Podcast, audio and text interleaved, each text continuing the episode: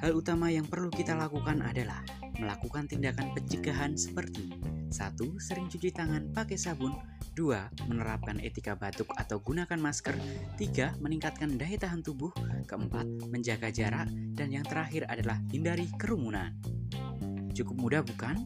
Intinya, harus selalu berperilaku hidup bersih dan sehat atau PHBS dan tentunya kelihatannya hal ini sepele. Tetapi kenyataannya masih cukup banyak masyarakat yang tidak melakukan kegiatan tersebut. Keladen maskeran, pakai masker, keren. thank you